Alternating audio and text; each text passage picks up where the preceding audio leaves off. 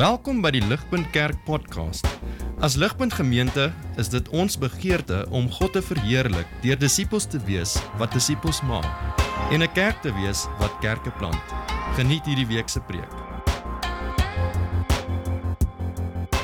Our reading this morning comes from Revelation chapters 8 and 9, and I'm reading from the ESV. Revelation chapter 8, reading from verse 1. When the Lamb opened the seventh seal, there was silence in heaven for about half an hour. Then I saw the seven angels who stand before God, and seven trumpets were given to them.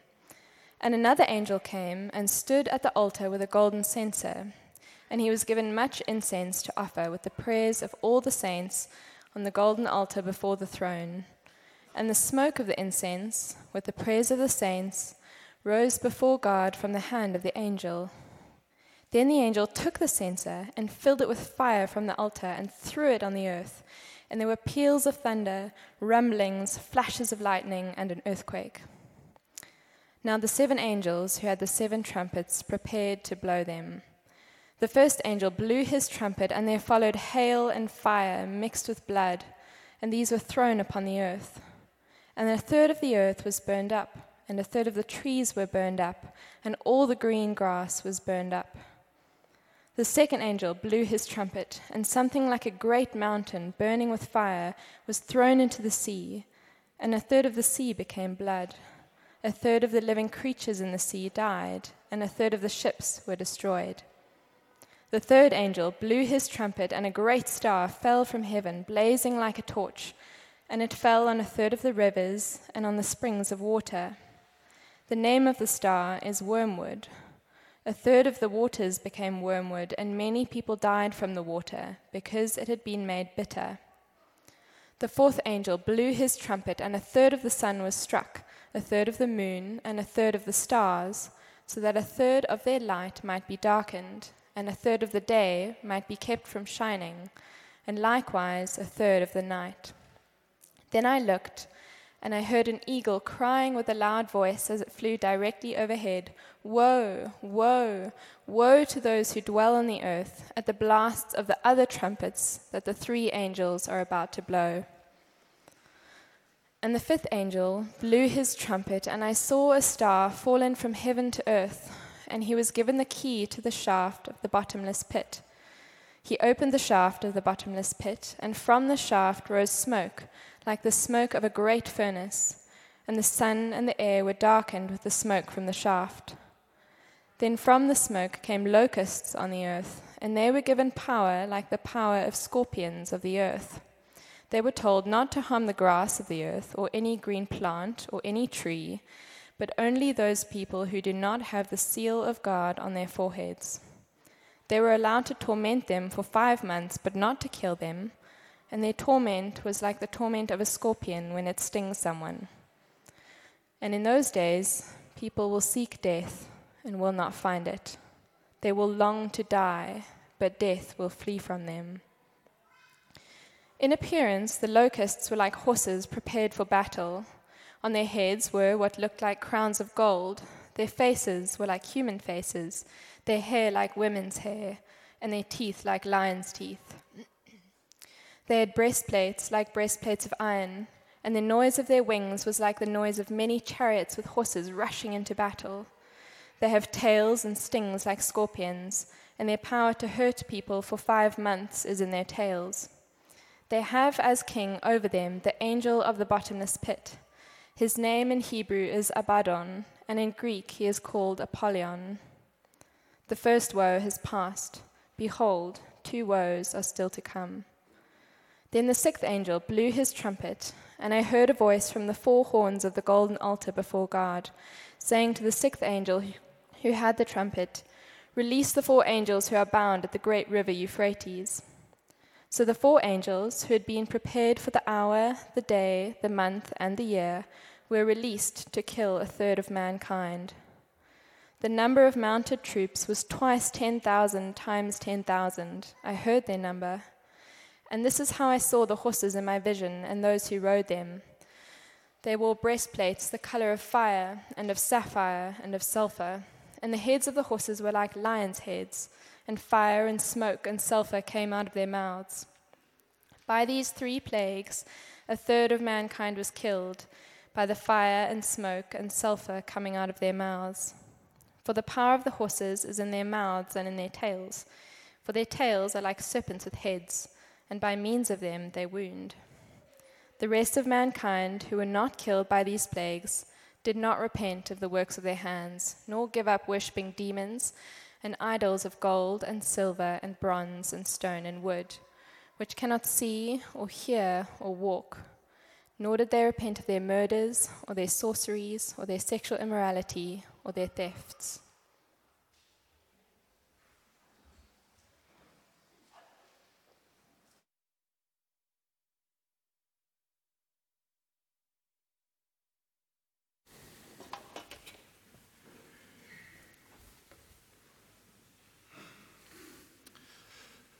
Goeiemôre ligpunt.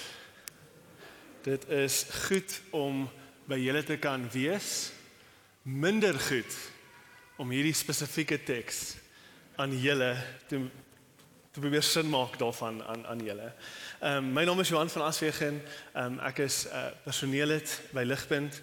Ehm um, en dit is dit is nog steeds en bly 'n voorreg om God se woord te kan preek selfs moeiliker tekste soos Openbaring 8 en 9.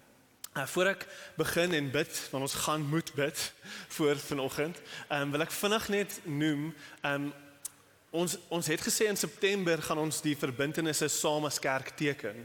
Um, en ons ons het al die verbintenisse uitgestuur via WhatsApp. Uh, as jy dit nog nie ontvang het nie, is daar 'n kans dat jou WhatsApp net 'n update moet kry. So jy moet net die nuutste weergawe van WhatsApp moet kry om behoort die verbintenis deur te kom. Indien dit nie werk nie, asseblief kontak vir Natasha. Ehm um, dis baie belangrik vir ons dat ons daai verbintenis teken en saam staan as kerk. Ehm um, uh, in, in daai dinge wat ons glo en in die die tipe lewe wat ons wil lewe hier ehm um, by ons kerk. En so ek wil dit maar net noem ehm um, per per inleiding net vinnig. Kom ons bid. Ons moet bid uh, dat die Here ons moet help. Ehm um, kom bid saam met my vir God se woord vanoggend. Dankie almagtige God en Papa Vader vir u woord. Dit is ryk, dit is kragtig en dit is eindeloos diep en dit is vir ons. Kom en help ons om te verstaan wat U vir ons wil sê. Vader, ons baie dinge wat ons net nie kan verstaan nie. En dit is so want U is God en U weet beter as wat ons doen en U sien dinge wat ons nie sien nie. Maar dit wat ons kan verstaan, kom en maak dit duidelik aan ons tot eer van U naam en tot die uitbou van die koninkryk hier op aarde. Ons bid dit in Jesus naam alleen. Amen. Ek gaan vanoggend uh, afskop met 'n baie eenvoudige vraag en inleiding. En dis die algemene vraag. Wat sal 'n ouer nie doen vir sy kind nie? Meer spesifiek, as iemand jou kind dreig of selfs jou kind seermaak, wat sal 'n pa nie doen om sy kinders te beskerm nie? Ek het uh, onlangs 'n pa geword. Uh al voel dit soos 4 jaar. Dit is nou maar net 4 en 'n half maande. Uh wat ek nie deur die aand mag slaap nie. Ehm um, vir shame, eintlik my vrou. Ek julle weet al. My vrou is amazing. Uh, maar saam met die min slaap het klein Joshua ons harte gesteel. Daar is 'n liefde in my wat ek nie geweet het kan bestaan in my hart nie. En elke dag vir een of ander rede, ek verstaan dit dit word net meer. En hierdie liefde het my opnuut 'n werklike waardering gegee vir die feit dat God in sy woord homself Pa noem. Hy noem homself Pa. En hy noem ons sy kinders. Hy noem homself Pa en hy noem ons kinders en hy gee vir ons daai selfde liefde vir ons eie kinders want die Here wil hê ons moet verstaan. Dis sy liefde vir ons. Dis 'n spesifieke liefde. Dis nie dis nie dis dis nie romantiese liefde nie, dis nie vriendskaplike liefde nie, dis ouer liefde. En belangrik vanoggend. Die beskermende ouer liefde van God is wat ons vanoggend gaan leer is 'n beskermende liefde van oordeel teenoor almal wat God se kinders teenstaan. Dis Openbaring 8 en 9. Dis die groot prentjie van Openbaring 9 die beskermende ouer liefde van God is 'n liefde wat gaan oordeel bring oor die oor almal wat sy kinders weerstaan, onderdruk en seermaak. Dis Openbaring 8 en 9. Vanoggend uh, kyk ons na die tweede siklus van 7, okay? Dit was eers die sewe seels en nou kyk ons na die sewe trompette of ten minste ons gaan kyk na die eerste 6 van die sewe trompette. Die sewende trompet kom later. Ehm um, vinnig wil ek net recap per inleiding. Ek wil vinnig net weer praat oor hoe moet ons Openbaring lees? Want dis belangrik vir vandag. Vinnig vinnig en ek wil ook recap waar is ons in die boek? So net per inleiding nog verder. Onthou net asseblief weer Openbaring is 'n baie spesifieke literatuur wat nie is soos die ander briewe in die Nuwe Testament nie.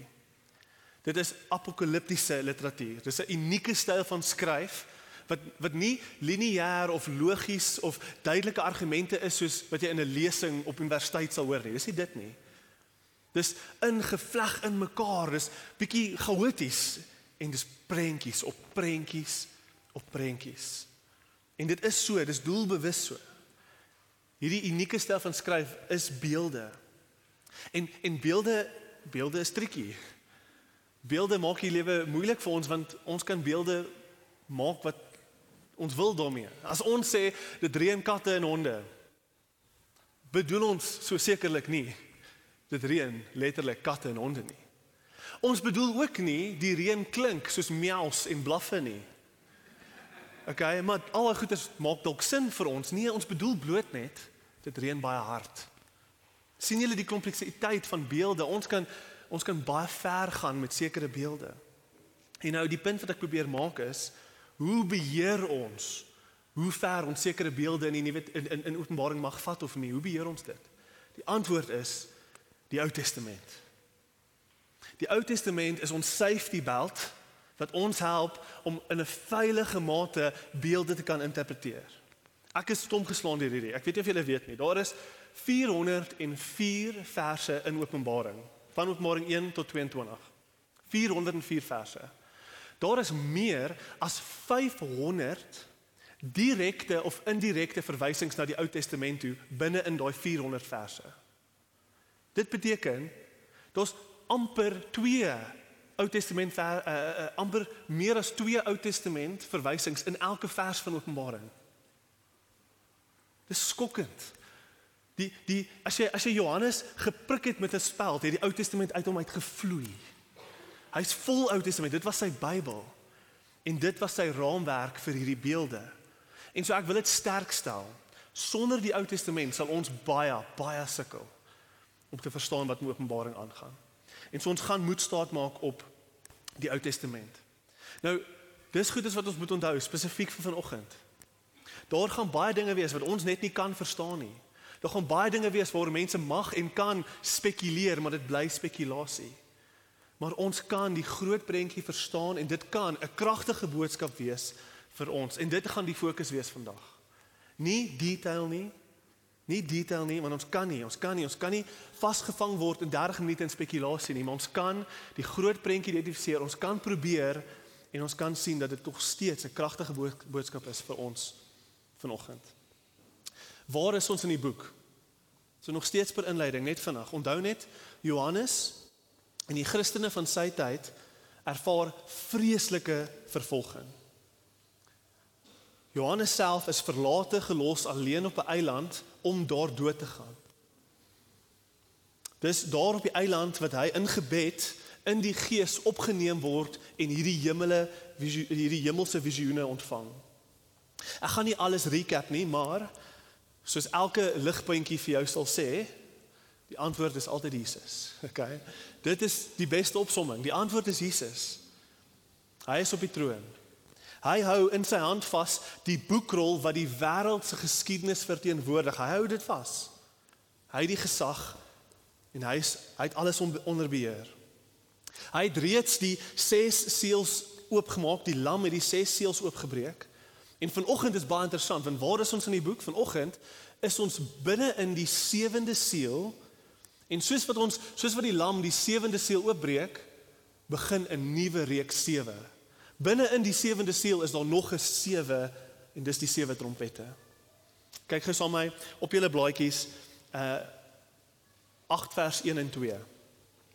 When the lamb opened the seventh seal there was silence in heaven for about half an hour. Then I saw seven angels who stand before God with seven trumpets. Maar ons is binne die sewende seël. Die lam hou nog steeds die geskiedenis van die wêreld af.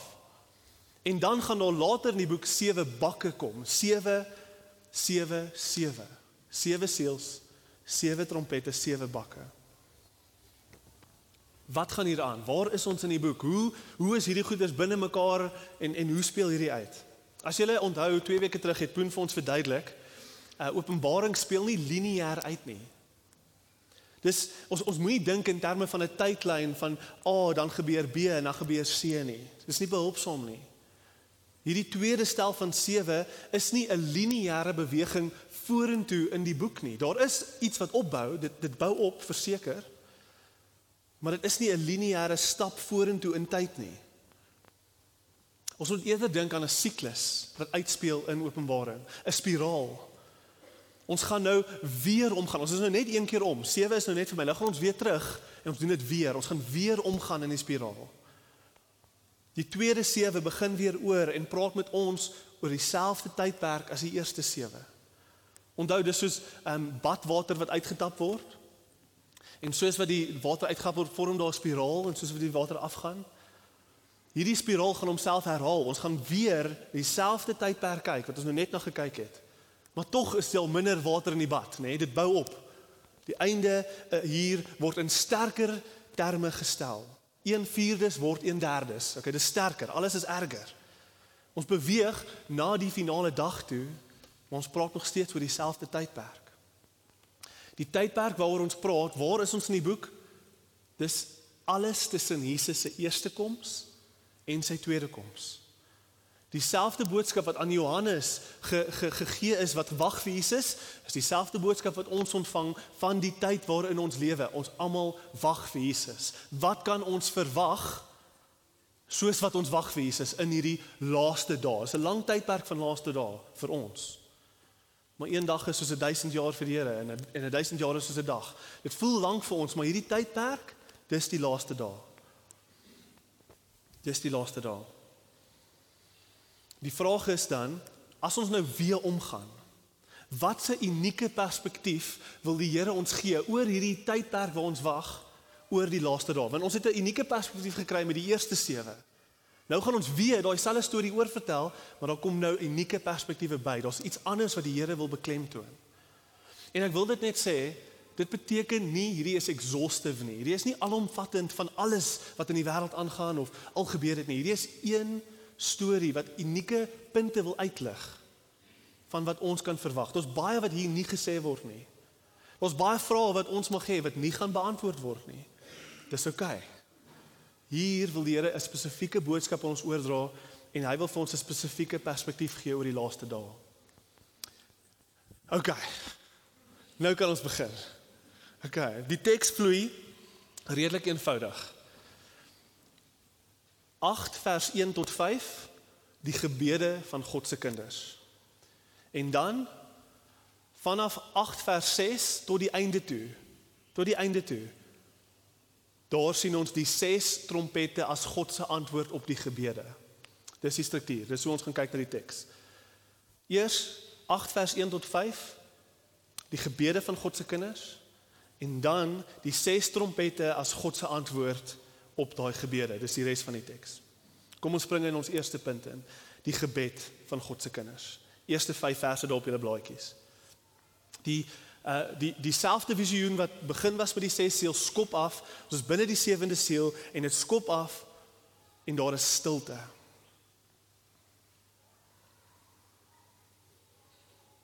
A half uur se stilte.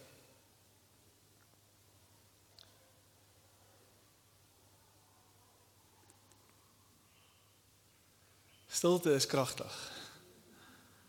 Dit was 30 sekondes dalk nie eens nie en daar was 'n halfuur se stilte in die hemel.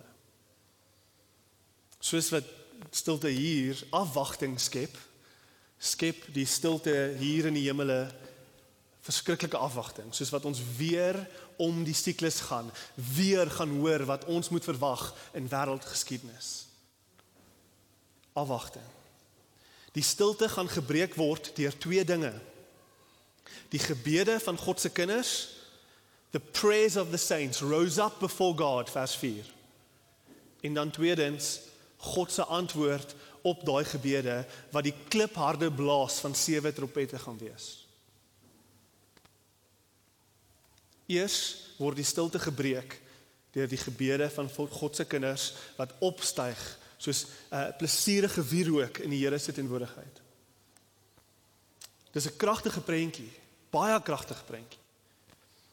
In 'n wêreld waar niemand omgee oor die getroue stil stil gebede van God se kinders nie. In 'n wêreld en in 'n tydperk waar vervolgde Christene geen wapens het nie, geen sê het nie, geen mag het nie buiten gebed. In 'n tyd waar soveel van ons voel gebed het nie meer krag nie. Ons bid teen al die injustice van ons wêreld, al die seer, al die armoede, al die maas wat sit met kinders op die pad. Ons bid teen sonde, seer, korrupsie. Ons bid vir die seer en die onderdrukking wat ons ervaar. Ons bedoelende Johannes en elke Christen wat wag vir God bid, waar is God nou? En soos ons bid en pleit, voel dit net asof dinge erger word. In in in daai in breek in dit in, nê, nee, breek Johannes die hemele oop. En hy sê vir Christene, al is dit julle ervaring, kyk net gou na die hemelse perspektief. Kyk net gou na wat aangaan in die hemele. In die hemele is daar absoluut stilte vir die gebede van God se kinders. Niemand praat nie, niemand onderbreek nie, niemand meng in nie, daar is stilte want God hoor sy kinders. Die hemelse skare, die ontelbare engele, die 24 ouderlinge, die vier asemrowende wesens, almal is in stilte vir die gebede van God se kinders. As dit alleen ons nie stom slaan nie. Die wêreld gee nie om nie, maar die hemele staan stil vir ons gebede. As dit alleen nie ons ons stom slaan nie, is daar nog nie net hoor God elke gebed nie en en ons stilte vir ons gebede, nie net dit nie. Daai gebede beweeg God tot aksie.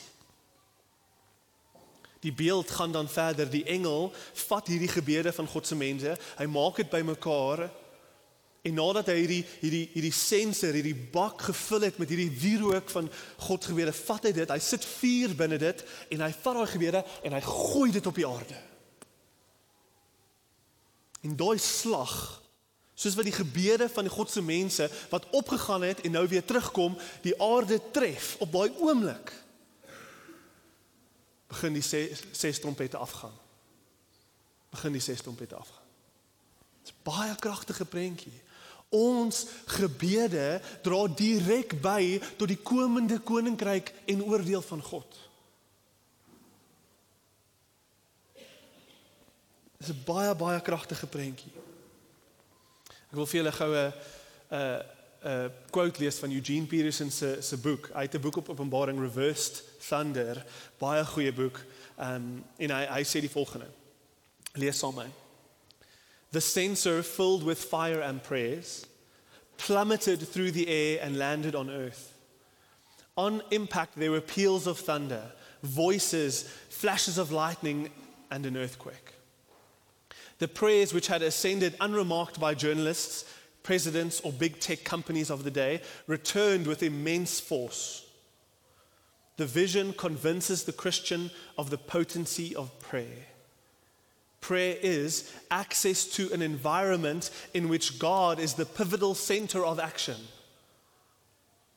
All other persons, events, or circumstances are third parties.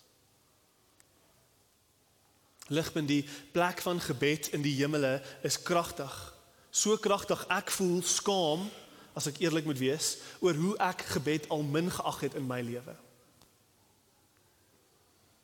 Ek voel ek wil jammer sê vir hoe klein ek gebed gemaak het in my lewe wanneer ek hierdie visioen sien van wat gebed regtig is.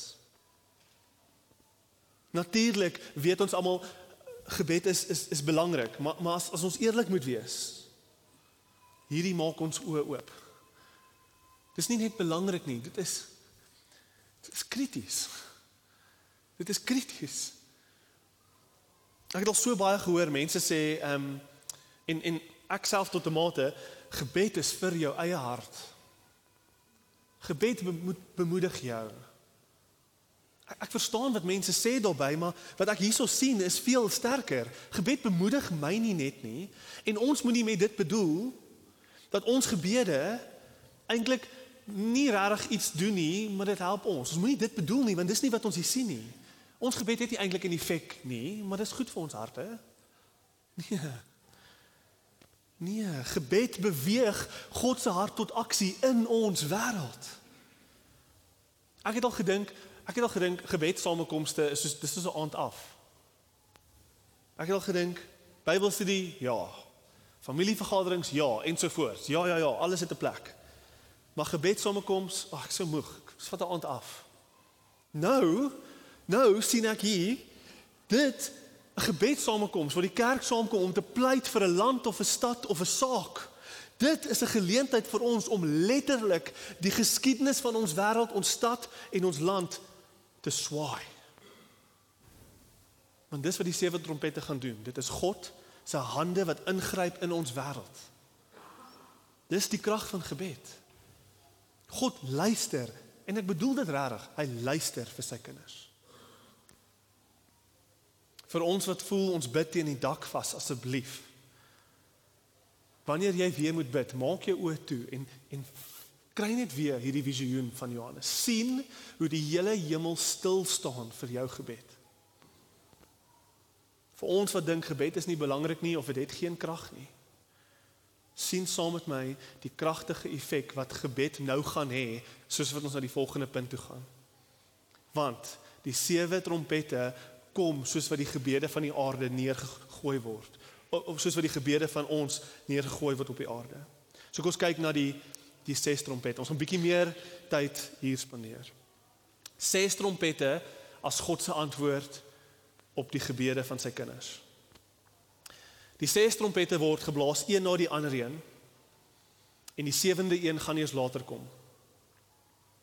Elke keer wat 'n engel 'n sirene blaas van 'n trompet is dit 'n waarskuwing van die ergste wat nog kom. Hierdie is nie oordeelsdag nie. Okay? Die finale oordeelsdag gaan veel erger wees en hy kom nog, maar elke trompet is 'n sirene wat sê daar kom iets. Daar kom iets erger. En soos wat elke trompet afgeblaas word, is daar 'n beskrywing van 'n plaag.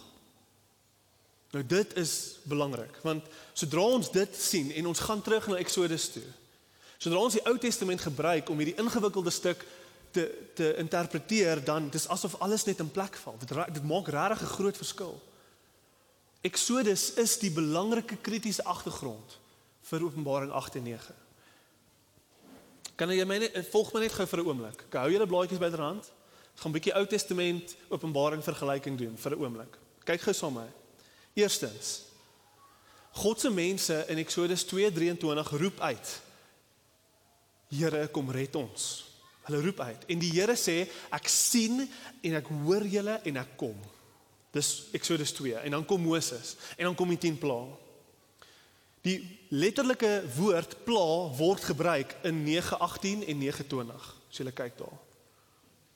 Kyk net nou hoe sterk is die parallelle wanneer ons na die trompette kyk.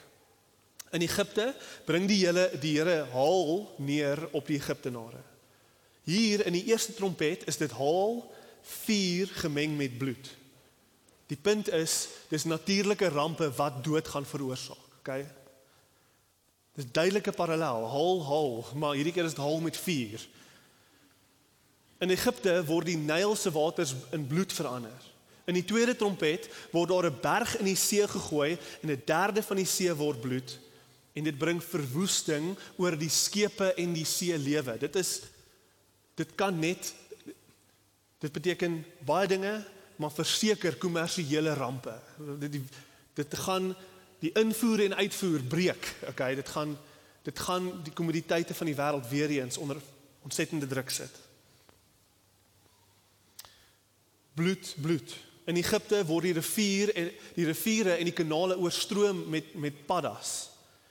En ons kan net dink wat dit moes gedoen het aan drinkwater, nê? Nee, en hier in die derde trompet val daar 'n bitter ster op die kanale en die riviere, dieselfde beskrywing en maak die water nie net ondrinkbaar nie, dit vergiftig mense.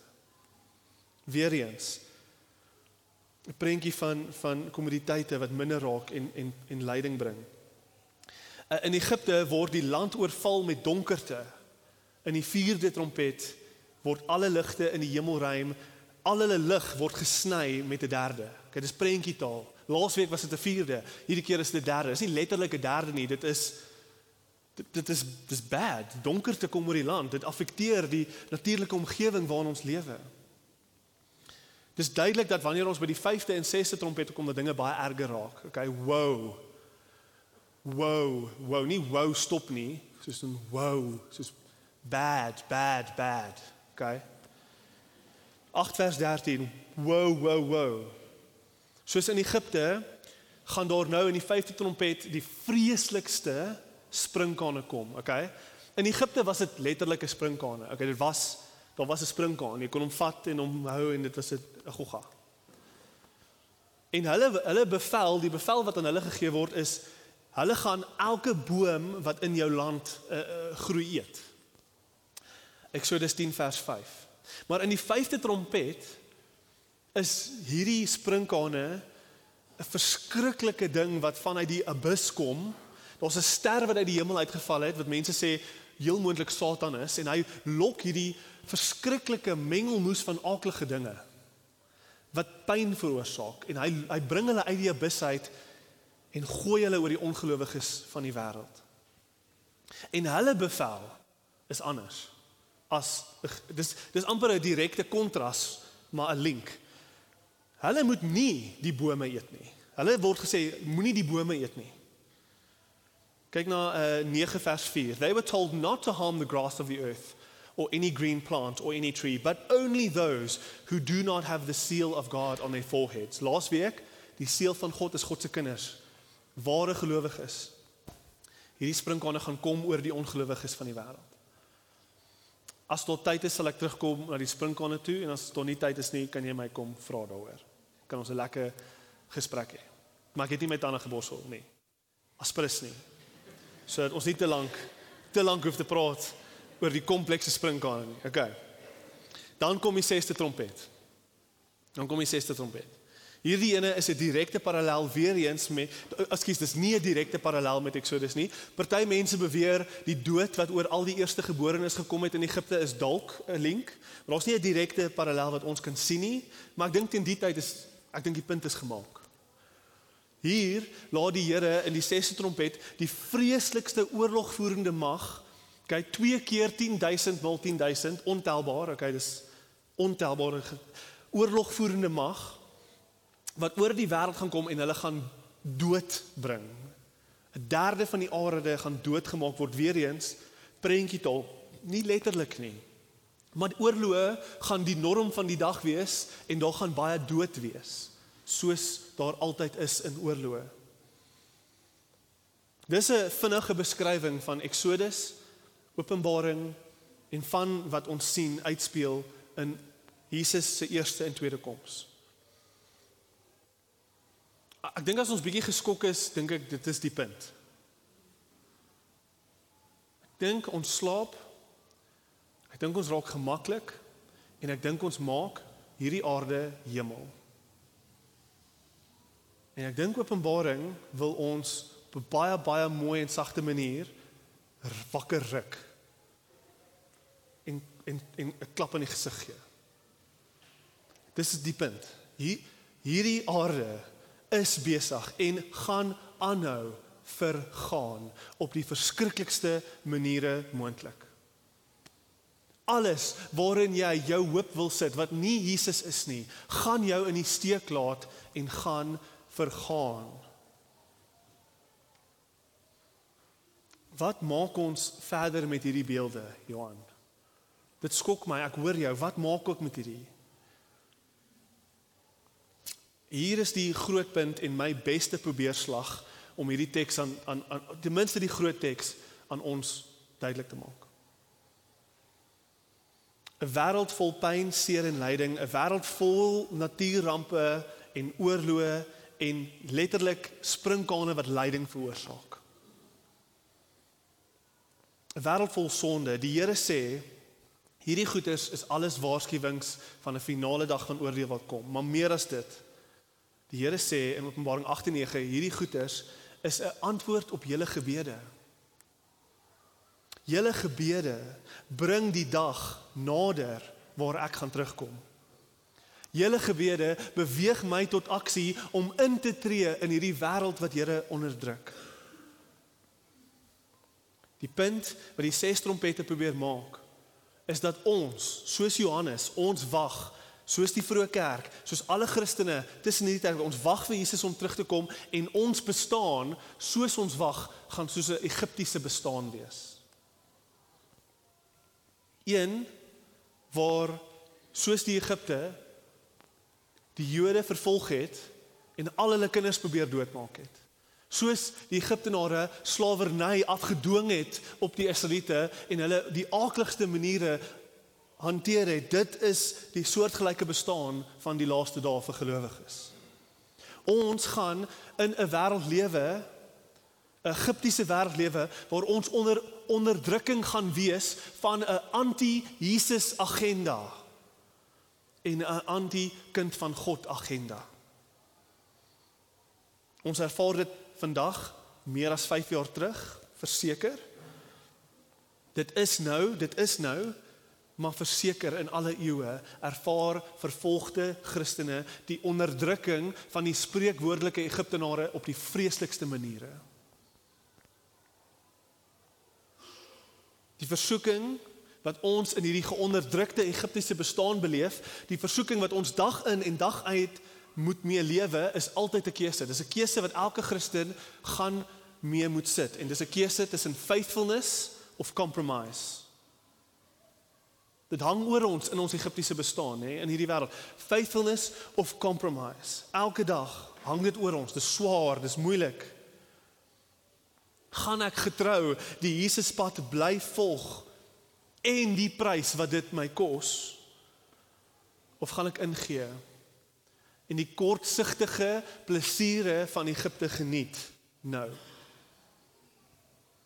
Gaan ek uitstaan in gehoorsaamheid en sukkel in 'n wêreld wat nie saamstem met my nie?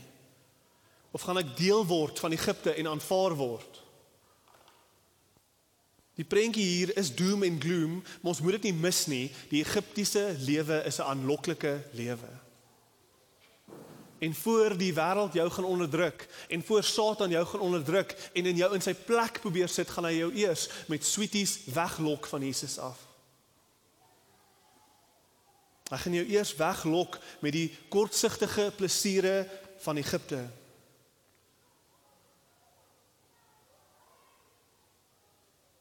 Die deel hierdie is deel van die onderdrukking wat Christene beleef in die laaste dae. Dis deel van hierdie Egiptiese bestaan, is hierdie onderdrukking, hierdie konstante versoeking. Compromise, compromise, compromise. Daar's 'n konstante invloed van die wêreld om verkeerde dinge as reg te ag en regte dinge as verkeerd te ag. Draai die skepping om. Draai alles wat God bestem het moet so werk, draai dit om. Gooi dit op sy kop. Rebel teen God met alles wat jy doen in hierdie wêreld. Sonde word by ons kele afgedruk en genormaliseer in elke TV-show, advertensie of gesprek wat ons mag hê. Dit is onderdrukking, dis 'n moeilike bestaan. Dit voel so slawerny as jy dit regtig die prentjie wil deurvat na Exodus toe. Die heiligheid van God en hoe hy bestem het ons moet lewe word as malligheid geag. En ons kan nie rus nie. Nie regtig nie. Ons kan nie ons oë van die bal afhaal nie want as ons vir een oomblik slaap Yes, kom die wêreld vir ons en ons sonde kom vir ons. Dis 'n verskriklike bestaan. Dis 'n Egiptiese tipe prentjie wat Openbaring vir ons as gelowiges probeer skets. Daar is hierdie is onderdrukking, maar ek wil net gou weer die punt maak. Ek wil net gou weer die punt maak. Hierdie boodskap word nog duideliker as ons dink aan vervolgde Christene, soos wat Johannes fisies vervolg was.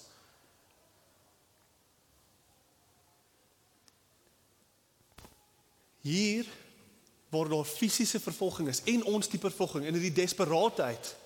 Dis hier waar God se kinders hulle diepste sorges begin bid. Here, waar is jy? Ek kan nie meer nie. Dit is te moeilik. Dit is te moeilik. Here, sien jy die onregverdigheid? Here, sien jy die injustice? Here, sien jy hoe die ryk net ryker word en die arm word net armer? sien julle Dis hier in daai tipe gebede wat die hemel stil raak en die en ons gebede word gehoor. Hierdie is die gebede wat gehoor word. Here, ek is moeg om te beklei. So gaar die Here in daai stilte ons gebede op. Here, lei my nie in die versoeking nie, want almal by die werk is besig om hulle trouringe af te haal in die besigheidstrip wat kom. Here, beskerm my kinders teen die wêreldse invloed wat die skole op hulle afdwing. Ja, ek kan nog baie voorbeelde noem. Dis hierdie tipe gebede wat die gebede is wat opgegaar word in die hemel. En dit is dan waar Openbaring 8 en 9 so kragtig met ons praat.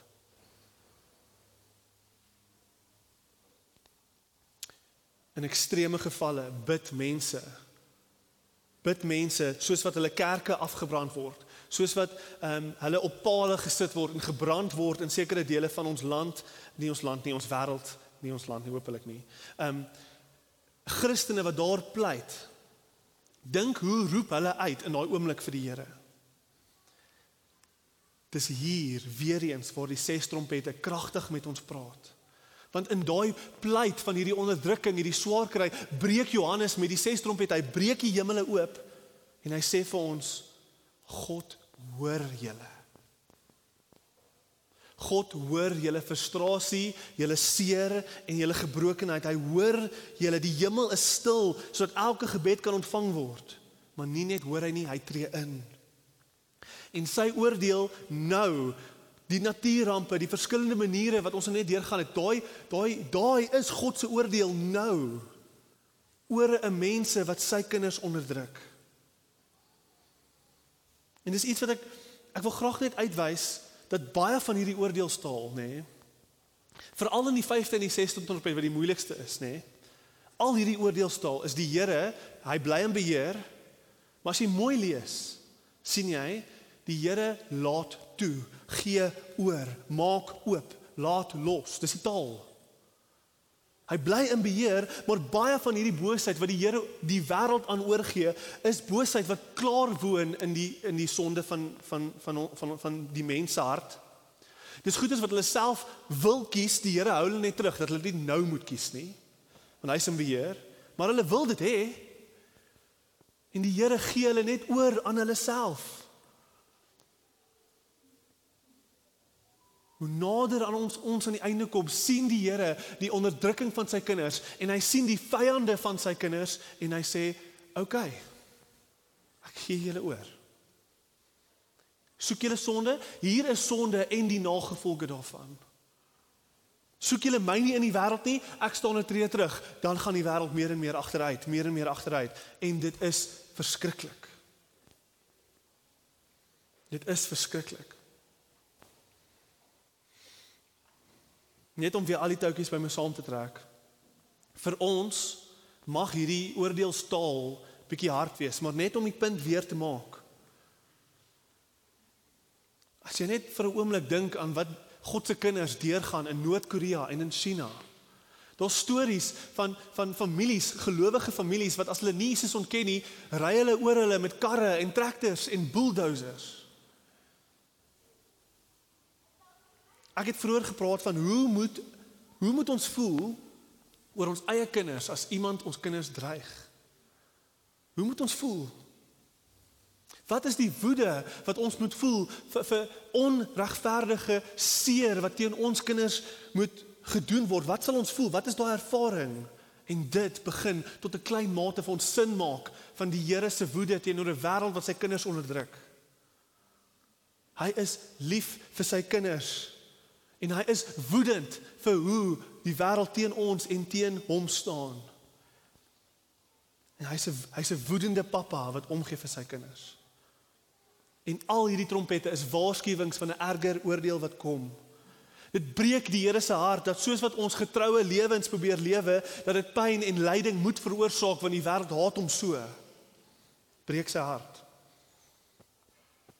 Hierdie woede, hierdie oordeel, so moeilik soos wat is om te hoor, is die woede van 'n beskermende pa oor sy kinders want hy gee om. En as ek daai man was in Noord-Korea wat gesê het hoe my familie en vriende doodgeryg was omdat hulle Christene was, dan sou ek baie bemoedigend vind uit hierdie uit. Baie baie meer as ons dalk wat bietjie meer gemaklik lewe. Want ons soek 'n sin van geregtigheid vir die boosheid wat plaasvind. Ons soek dit. Dit is reg dat ewel so gestraf word. Dit is reg. So moeilik soos wat dit is en so kragtig soos wat hierdie woorde is, is reg. Maar dis nie net woede nie. Dis nie net oordeel nie. Dis nie net toore nie. Dit is hierdie hierdie is staan ek stom verslaan dat ek nie net in hierdie hierdie trompette, hierdie is waarskuwings, daar's genade hier ook, nê? Nee. Sien net wanneer daar's genade. In die Exodus tekste, spesifiek met die pla, is die die tipe pla wat gekies was, was spesifiek gekies om die afgode van die Egiptenaar te verneder. Dit is spesifiek gemaak sodat die Here die enigste gesien sal word as die enigste God bo alle gode. Ons lees in Openbaring 6 en 11 The Egyptians shall know that I am the Lord when I stretch out my hand against Egypt and bring out the people from Israel from among them to show my power so that my name may be proclaimed in all the earth that you may know that I am the Lord. Dit is die Here se doel met die pla. Verneder die afgode wat dooie stukke klip is en hef homself op as die enigste lewende God. Daar's 'n parallel hier met die Here wat die die omgewing waarin ons lewe afbreek. Hy breek ons afgode af. Die Here breek soos wat die wêreld agteruit gaan, is die dinge waarin ons ons hoop sit besig om vinnig te vergaan. Vinnig vinnig te vergaan. En die hoop, die genade van hierdie is dat almal almal sal draai na die Here toe, soos wat hulle beleef dat die einde naby is en dat die dinge waarin hulle hoop is, die afgode van ons dag en tyd, net so nutteloos, hulpeloos en magteloos is soos die afgode van Egipte. Die Here wil hê dat die Egiptenare en dat almal moet bekeer. Kyk gou na vers 20 en 21. Dis 'n bewys van wat ek nou net gesê het. Dat die Here se hele doel was bekering. The rest of mankind who were not killed by these plagues did not repent of the works of their hands. Nor did they give up worshipping demons and idols of gold, silver, and bronze, and stone, and wood, which cannot see, or walk, or hear. Nor did they repent of their murders, or their sorcery, or their sexual immorality, and their thefts. Dis weer 'n bewys dat die Here mense oorgee aan dit wat hulle klaar wil hê. En ons so baie wat ek hier kan sê, maar die punt was, hulle harte bly hard, want die Here het gehoop hulle bekeer. Daar's soveel genade in hierdie trompette wat waarsku, waarsku, waarsku. Dit is beide God se oordeel maar ook sy redding en sy hoop tot redding. Maar mense se harte bly hard. Mense se harte bly hard. En dis so kragtige parallel want dis wat met Farao se hart gebeur. Plaag na plaag na plaag. Farao het sy hart verhard teenoor God. Farao het sy hart verhard teenoor God.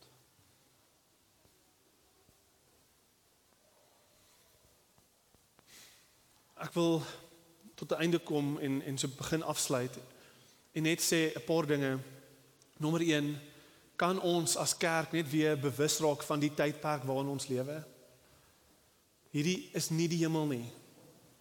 Ons moet nie hier gemaklik raak en dink ehm um, hierdie is geestelike oorlogvoeringstyd en dis dis 'n oorlog vir siele.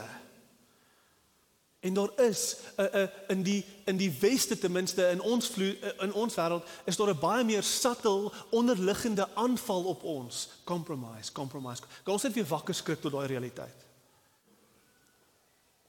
Tweedens wil ek noem hierdie oordeelstaal so hard soos wat dit is. Kan ons net onthou dat dit die lam is wat hierdie boekrol vashou? Hierdie is alles nog steeds alles al hierdie wat ons nou gelees het is deel van die seels wat die sewe trompette behels wat dis in die hand van die geslagte lam. Daar was 'n dag toe die Vader nie sy eie kind kon beskerm nie. Daar was 'n dag toe die Here nie Jesus kon beskerm nie. Want hulle het saam besluit uit hulle liefde uit vir ons dat die sonde van die wêreld op Jesus gaan land.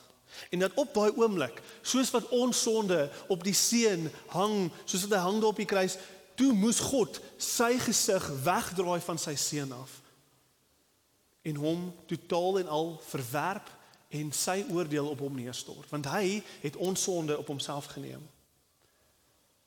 Daar was 'n dag waar die Here moes gekyk het hoe sy kind oorgegee word aan die sonde van die wêreld.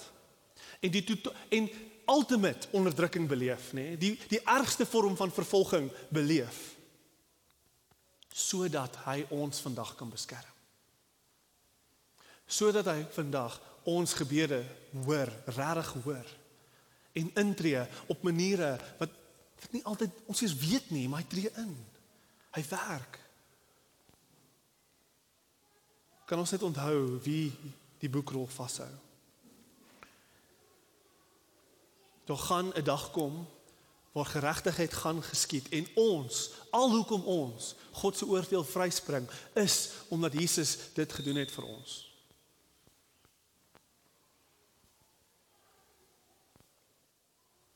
Ek wil vra dat ons nou op 'n spesifieke manier afsluit.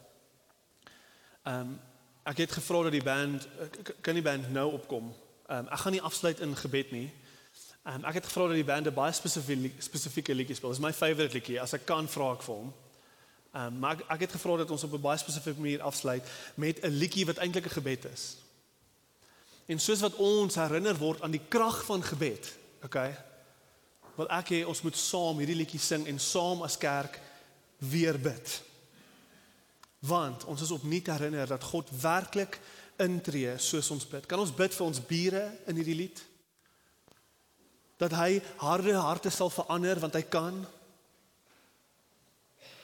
Kan ons bid vir ons stad en die nagevolge van mense wat oorgelaat word tot hulle sonde en die skade wat dit berokken vir almal? Kan ons bid vir ons land en die haat en die korrupsie wat seevier? En kan ons bid vir bekering en vir 'n wêreld wat swaar kry onder die oordeel van God wat hulle probeer herinner dat hy kom. Kom ons um, staan saam en dan sing ons die laaste lied saam as 'n gebed. Vir meer inligting oor Ligpunt Kerk, besoek gerus ons webwerf op www.ligpunt.com of kontak ons gerus by info@ligpunt.com